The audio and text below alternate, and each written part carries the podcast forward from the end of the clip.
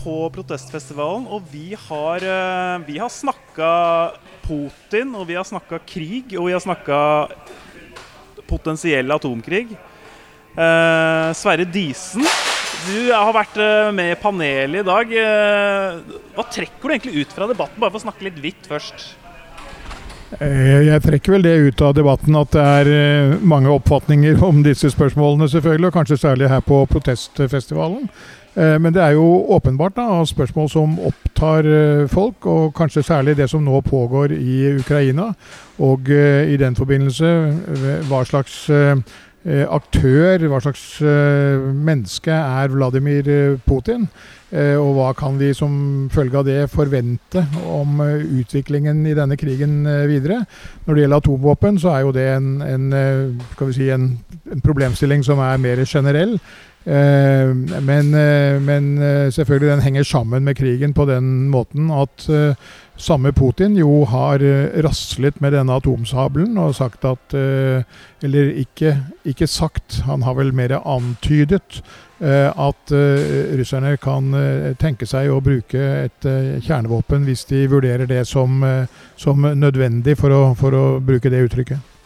Vi måtte bare også introdusere deg tidligere forsvarssjef og general, så det er ikke noe hvem som helst vi har med oss i sofaen her. Jeg eh, jeg syns det var litt uh, artig å, å observere deg og Arild Rønsen i fritt eh, passiar. Det er jo to så forskjellige mennesker som jeg kan tenke meg.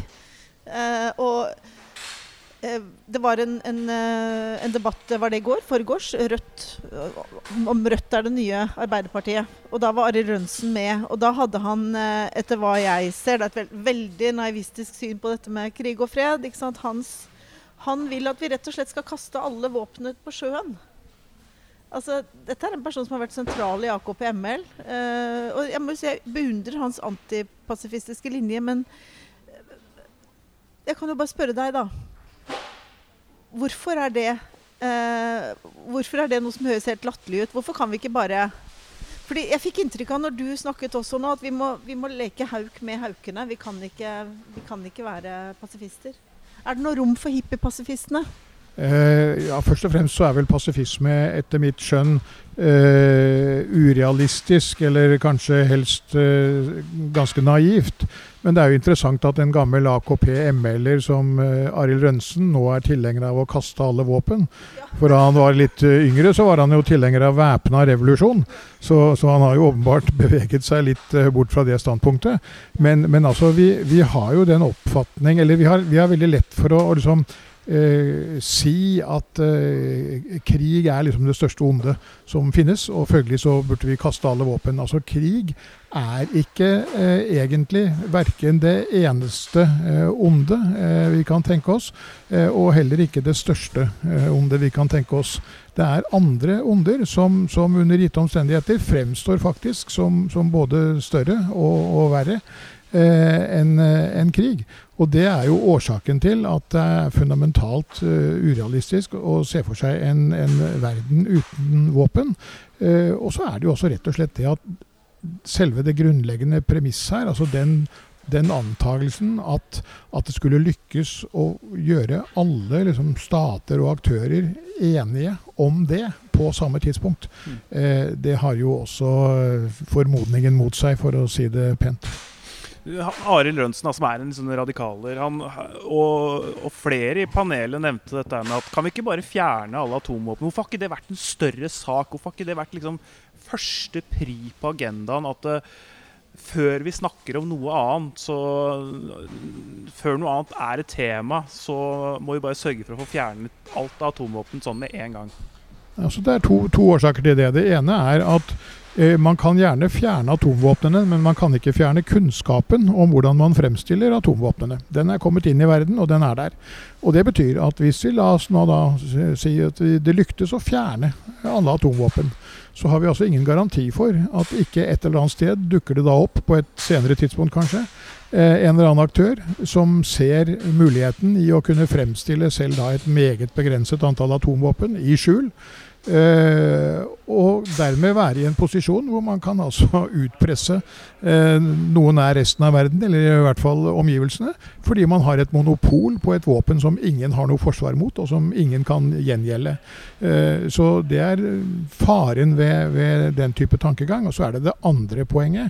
Og det er jo at det er jo da enkelte atommakter, og da tenker jeg selvfølgelig særlig på Russland, som, som er stormakter ene og alene fordi de har atomvåpen. Eh, hadde ikke russerne hatt atomvåpen, så var det ingen som hadde tatt Russland høytidelig i det hele tatt. Eh, Russland har en økonomi på størrelse med Italia.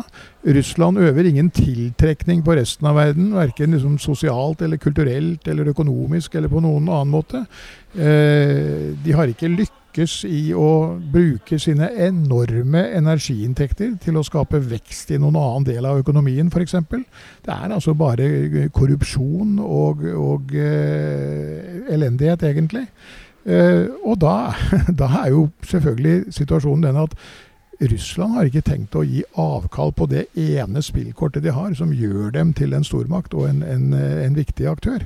Eh, det kan vi he se helt bort fra, selv om det skulle lykkes å overtale altså Storbritannia og Frankrike og, og Israel og, og, India til å gjøre det. Man er avhengig av at alle sier ja, egentlig? Man er avhengig av at alle sier ja, og så er man avhengig av at alle fortsetter å si ja. Også inn i fremtiden. Og det er jo kanskje først og fremst den garantien ingen vil kunne gi, så lenge kunnskapen om våpnene er der. Altså, Slik jeg har forstått det, så ga Ukraina over alle atomvåpnene til Russland når muren falt. Eh, I bytte mot anerkjennelse av grensene, bl.a. Og så har vel kanskje da historien uh, lært oss at uh, den anerkjennelsen var kanskje ikke like verdifull som atomvåpnene. Er det slik at nesten at atomvåpen i noen tilfeller burde, hatt, burde blitt vurdert til Nobels fredspris? Ja, det, er jo, det er jo gitt, gitt uh, Alfred Nobels testamente og ånden og intensjonen bak det, så kan jeg si at, at selv om det resonnementet faktisk har en del for seg, sånn makt- og realpolitisk og strategisk, så tror jeg det ville by på store problemer å få det igjennom Nobelkomiteen. Uh, men, men uh, poenget er jo egentlig at Eh, atomvåpnene har, altså hva enten man liker å innrømme det eller ei, så har atomvåpnene den effekt at de legger en demper på også konvensjonelle konflikter mellom atommakter. Og de er med på faktisk langt på vei å umuliggjøre omfattende konvensjonelle militære konflikter mellom stormakter. Nettopp fordi en, en konvensjonell eh, konflikt mellom atommakter som den ene er i ferd med å tape, er faktisk den eneste situasjonen man kan tenke seg hvor det er bortimot rasjonelt å bruke et atomvåpen for å nullstille situasjonen, for å terminere konflikten.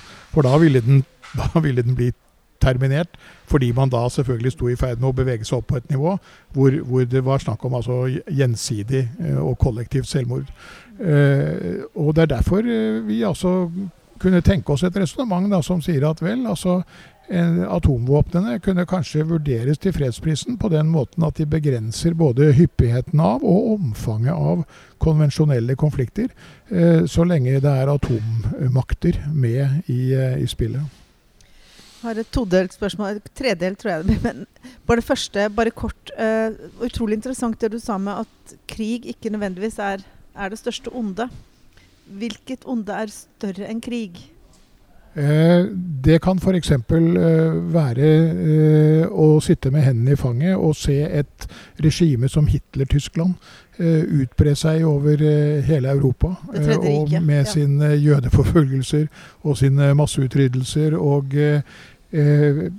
det som er i grunnen interessant når du spør om det, det er kanskje å, å gå veldig langt tilbake i tid og si at for 2500 år siden så, så herjet jo en krig i Hellas mellom bystatene Aten og Sparta. Ja. Og eh, denne krigen ble kronikert av en historiker som het Tykkedides, som skrev da en stor bok om Peloponneserkrigen. Ja, og, og så er det jo Odysseen, Iliaden av Homer. Ja. Det også. Ja. Eh, men i innledningen til Peloponneserkrigen så skriver eh, Tykidides at krigens årsak var Atens fremgang og den bekymring dette skapte i Sparta. Eh, og det er veldig Det er egentlig helt analogt med hvordan uh, spesielt de liberale demokratiene i Vesten tenker i dag. Uh, hvis vi griper til bruk av militærmakt, så er det ikke fordi vi tror vi har noe å tjene på det, men det er frykten for konsekvensen av ikke å gjøre det. Nettopp. Ja, jeg skjønner tankegangen. Spørsmål to er dette, med, dette, med, Russland. Det er, jo, det er jo et paradoks at de jeg vokste opp med, AKP-ML-erne, sånn som Arild Rønsen og min far Jon Michelet, eh, de var jo for væpna revolusjon. Og de var pasifister. Der har du ett et paradoks. Men en annen ting er som jeg tror mange ikke har vært så helt klar over, det var at AKP-ML var jo Russland-fiendtlige. De, de, de, fryktet jo en invasjon fra Russland. Ja. Det var faktisk dem de ville ha væpna revolusjon mot. Men også mot kapitalisme. Så de hadde fiender, både Brezjnev og, og, og, og, Nixon, ikke sant? Ja da. Ja, det, var jo, det, var jo, kan du si, Kina som var, eh, som var forbildet for AKP-ML. Ja. Eh, og, Eh, jeg er som sagt gammel nok til å, til å huske liksom, eh, da AKP og ML sto sterkt på universitetene og, ja. og, i studentersamfunnene rundt omkring. Mm. Så jeg, jeg, husker jo godt at de f.eks. Eh, sto eh, ikke, ikke, akkurat Jon Michelet eller Arild Rønsen, men, men, en del andre prominente AKP-ML-ere, Trond Høgrim og noen sånne, ja. eh, som snakket altså om den frie og demokratiske republikken Kampuchea. som altså var Pol Pots regime i Kambodsja, ja. eh, som myrdet millioner av mennesker. Eh, eller de, de hyllet uh, Stalin og den svære ja. transparenter. Med, så, og Mao. Ja. Så, så, du kan si jeg, jeg altså, Og dette var, jo, dette var jo meget intelligente mennesker. Dette var akademikere, høyt ja. utdannet, altså kunnskapsrike. Så jeg er jo tilbøyelig til å betrakte AKP-ML-bevegelsen i sin tid som, som utslag av en form for en, en, form for rabies da, i, i, i, det akademiske miljøet, som, som eh, eh, var villig til å overse altså, de mest groteske brudd på, på både alminnelig nær sagt rasjonalitet og menneskelighet. Ja. Det er godt å høre deg si det. Jeg, jeg konfronterte Rødt-folkene med det, og faktisk på å skrive en ny bok om det også. Men, men eh, hvordan vurderer du det at de, eh, at de, vurderte trusselen fra eh, Russland som veldig stor? Det tror jeg var mer, det var rett og slett mer ideologisk. Altså, de, var jo så, de var jo så fryktelig ideologiske. De, liksom, ja. de, de, målte alle ting med ideologiske mål. Mm. Uh, Istedenfor å si at altså for Altså Det som gjør Russland til en, en, eh, en, utfordring og en trussel for Norge, er jo ikke i og for seg ideologien, men det er det faktum at Russland er en stormakt og vi er en småstat. Og ja. Russland mener at en, en tredjerangs liten stat som Norge som ligger på Russlands periferi, mm. eh, er en del av russisk interessesfære og plikter å føre en politikk som tar tilbørlig hensyn til russiske interesser. For sånn er nå engang verden. Der er de altså igjen tilbake til, til de gamle atenere, som sa at som, som denne verden nå engang er, eh, så vet dere at spørsmålet om rett det er bare relevant i, i diskusjonen mellom, mellom uh, jevnbyrdige parter. Den sterke gjør som han vil, og den svake lider som han må. Og for russerne så er verden fortsatt sånn at, at uh, alle småstater faller under innflytelse av en stormakt. Så det er ikke det at vi er under, altså det at vi er under amerikansk innflytelse, etter russiske begreper, det er ikke prinsipielt galt. Men vi er under innflytelse av den gale stormakten. Vi, her vi ligger, er vi en naturlig russisk eh, vasallstat. Og, og, dette at AKP-ML liksom ikke så den, den makt- og realpolitiske dimensjonen. Det var, det var den geopolitiske, uh, strategiske tenkningen som gjorde Russland farlig. Det var ikke ideologien. Jeg har lyst til å følge det AKP-ML-sporet lite grann til, fordi det var to debatter nå det, var, det første handla da om eh, Putin som person, egentlig, først og fremst, og krigen. Eh, og det andre, og debatt to handla om atomvåpen, først og fremst. Begge knyttet til da litt av Ukraina-krigen som foregår nå. I den første debatten så debatterte du med en kjent AKP-ML-er, Pål Steigan. Jeg, da, jeg, skal, jeg skal unngå å si navnet hans, men, men, men jeg snakka med en debattant i debatt, debatt nummer to og han sa at han ikke ville debattere med Pål Steigan, noe han også har skrevet på en blogg. fordi Steigan Fordi han oppfatter at Pål Steigan er for konspiratorisk, ytterliggående og liksom litt sånn fantasipreget i sin argumentasjon, som gjør at uh, han vil ikke legitimere det ved å debattere han. Hva tenker du? Men du valgte å debattere Pål Steigan, uh, Disen. Hva, hvordan, hva tenker du om det? Jeg er jo enig i at Pål Steigan er til de grader konspiratorisk uh, av og til at uh, det er nesten litt meningsløst å diskutere med ham. Man kommer ikke egentlig, altså Diskusjonen liksom bringer ikke frem noe nyttig eller bringer oss ikke videre i noen sammenheng. Det er ikke liksom noen, noen, noen slags netto nytte av en sånn meningsutveksling når, når utgangspunktet er så forskjellig. Eh, så hadde dette dreid seg om en debatt la oss si på TV da, i NRK, så hadde jeg vel kanskje sagt at vel, eh, hvis Pål Seigan skal være med, så, så, så, tror jeg ikke det blir veldig fruktbart. Men nå er vi nå engang på protestfestivalen, da. Og, og da må jo noe av poenget være at, at da, da, er det en slags lunge hvor, hvor selv helt, helt uforenlige skal du si, virkelighetsoppfatninger kan møtes og, og diskutere. Så jeg syns jo at dette er en litt spesiell, men, men litt interessant arena også når, også når jeg debatterer med Pål Steigan. Tenker du ikke da likevel at, at det er en del at det, tankegodset må litt frem i lyset da, noen ganger? At, at, det er en verdi i kontradiksjon? Altså at, at For det er jo ikke Hadde Paul, hadde Paul Steigan vært hvem som helst, så hadde det kanskje vært mer meningsløst. Men han, han er jo en stemme for noe. Han er jo ganske kjent. Han, det, er, det, er, det, er, sikkert ikke bare han som mener alt dette. Er det ikke en verdi å imøtegå det noen ganger? Jo, det er det absolutt. Og, og nå kan du si at det er jo jeg, jeg, tror jo at en, For at en debatt skal være nyttig, for at en debatt skal være opplysende for de som hører på den, og sånn, så, så er jo forutsetningen at de som debatterer, er noenlunde enige om hva som er den materielle, fysiske virkelighet, i hvert fall. Um, og så kan man ha forskjellig oppfatning av både liksom uh, Hvis vi snakker om politikk, da. Man kan ha en litt forskjellig oppfatning av aktørenes liksom både motiver, uh, hva deres uh, hensikter er, hva historikken tilsier osv. Man kan ha litt ulik take på det, men man kan liksom ikke man kan liksom ikke diskutere med utgangspunkt hvor hvor man er altså så fullstendig uenige at man altså ikke engang kan bli enige om, om det jeg vil kalle faktiske forhold. Altså om, om forskjellen på sort og hvitt eller, eller uh, historiske kjensgjerninger. Det blir litt som å diskutere det armenske folkemordet i 1915 med tyrkere. ikke sant? Altså, det spiller ingen rolle hvor godt utdannet de er, altså hvor, hvor kunnskapsrike for øvrig de er. Jeg satt en gang ved siden av en, en tyrkisk diplomat, ung Eh, velutdannet, godt engelsk, eh, som altså da var av den oppfatning at det armenske folkemordet eh, fant ikke sted. Uh, og jeg tenker, da har de liksom ingen altså Hvis, hvis virkelighetsoppfatningene er så forskjellige, så blir debatt på sett og vis meningsløst. Man må ha noen grunnleggende brikker på plass. Um, Pål Steigan ble jo interessant nok ekskommunikert av AKP-ML. Og jeg vet om ML-ere som trodde han var spion for Russland, så her kan vi bare spinne videre. ja. Uh, så Men jeg, bare, litt, bare to ting.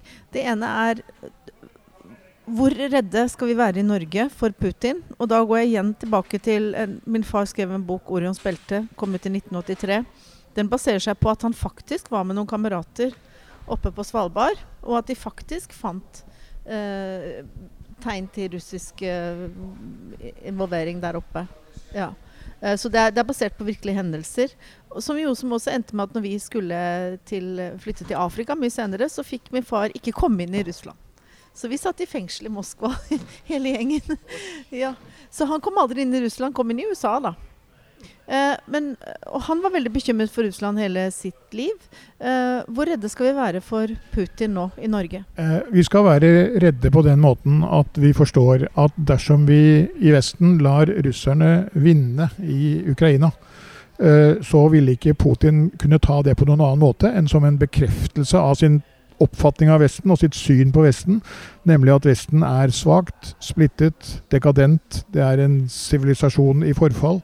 Eh, og eh, lar vi russerne vinne, så, så, vil han si at ja, det er det jeg har ment hele tiden. De var liksom tøffe til å begynne med og ga ukrainerne våpen og sånn, men de, de, greide ikke å stå i det. Med en gang det ble litt eh, vanskelig for dem selv, så ga de etter. De mente det ikke i Ukraina. Da mener de det vel kanskje ikke i Baltikum heller, eller i Polen, eller i, i Finnmark, eller hva det måtte være. Hvis vi derimot sørger for at han ikke vinner så må han antagelig trekke den konklusjonen at vel, de, de, mente det faktisk i Ukraina. Da mener de det sannsynligvis i, i Baltikum også. Er Putin gal og uforutsigbar? Eh, nei, han er verken gal eller uforutsigbar men, eh, i, i, sånn i, i stort. Men, men, det er jo ikke det samme som at ikke denne konflikten og den måten den utvikler seg på, påvirker eh, graden av forutsigbarhet og rasjonalitet. For det er klart det står veldig mye på spill for ham. Og hvis han ser at, at, dette begynner å gå helt galt, så kan det nok påvirke eh, både rasjonaliteten og forutsigbarheten. Energikrisen nå i Europa Jeg lurer på, jeg lurer på er, hvem som vinner. Er det Europa er avhengig av energi fra Russland. Russland er kanskje avhengig av energi Nei, fra å, selge denne energien for å få penger, penger til å drive krigføring. Hvordan ser du for deg at det der går? Foreløpig har russerne kunnet kompensere noe av bortfallet av energikontrakter med Europa med at prisen på den gassen og oljen de selger, er gått voldsomt i været. Eh, men det er klart at i det lange løp så er russerne eh, mer avhengig av å selge sin energi enn vi er av å kjøpe russisk energi. For, eh, for, Europa er dette et spørsmål om å etablere annen infrastruktur og, og etablere andre Eh, skal vi si, eh, kunderelasjoner. Eh, for Europa finnes det alternativer. Russerne har egentlig ikke, i hvert fall på kort og mellomlang sikt, noe alternativ. Kina kan ikke erstatte hele det europeiske markedet, f.eks. Så, så tiden arbeider jo her mot Russland, etter, etter min vurdering. Sverre Isen, tida løper fra oss. Du skal rekke tog. Takk for tida du tok deg med oss. Selv takk.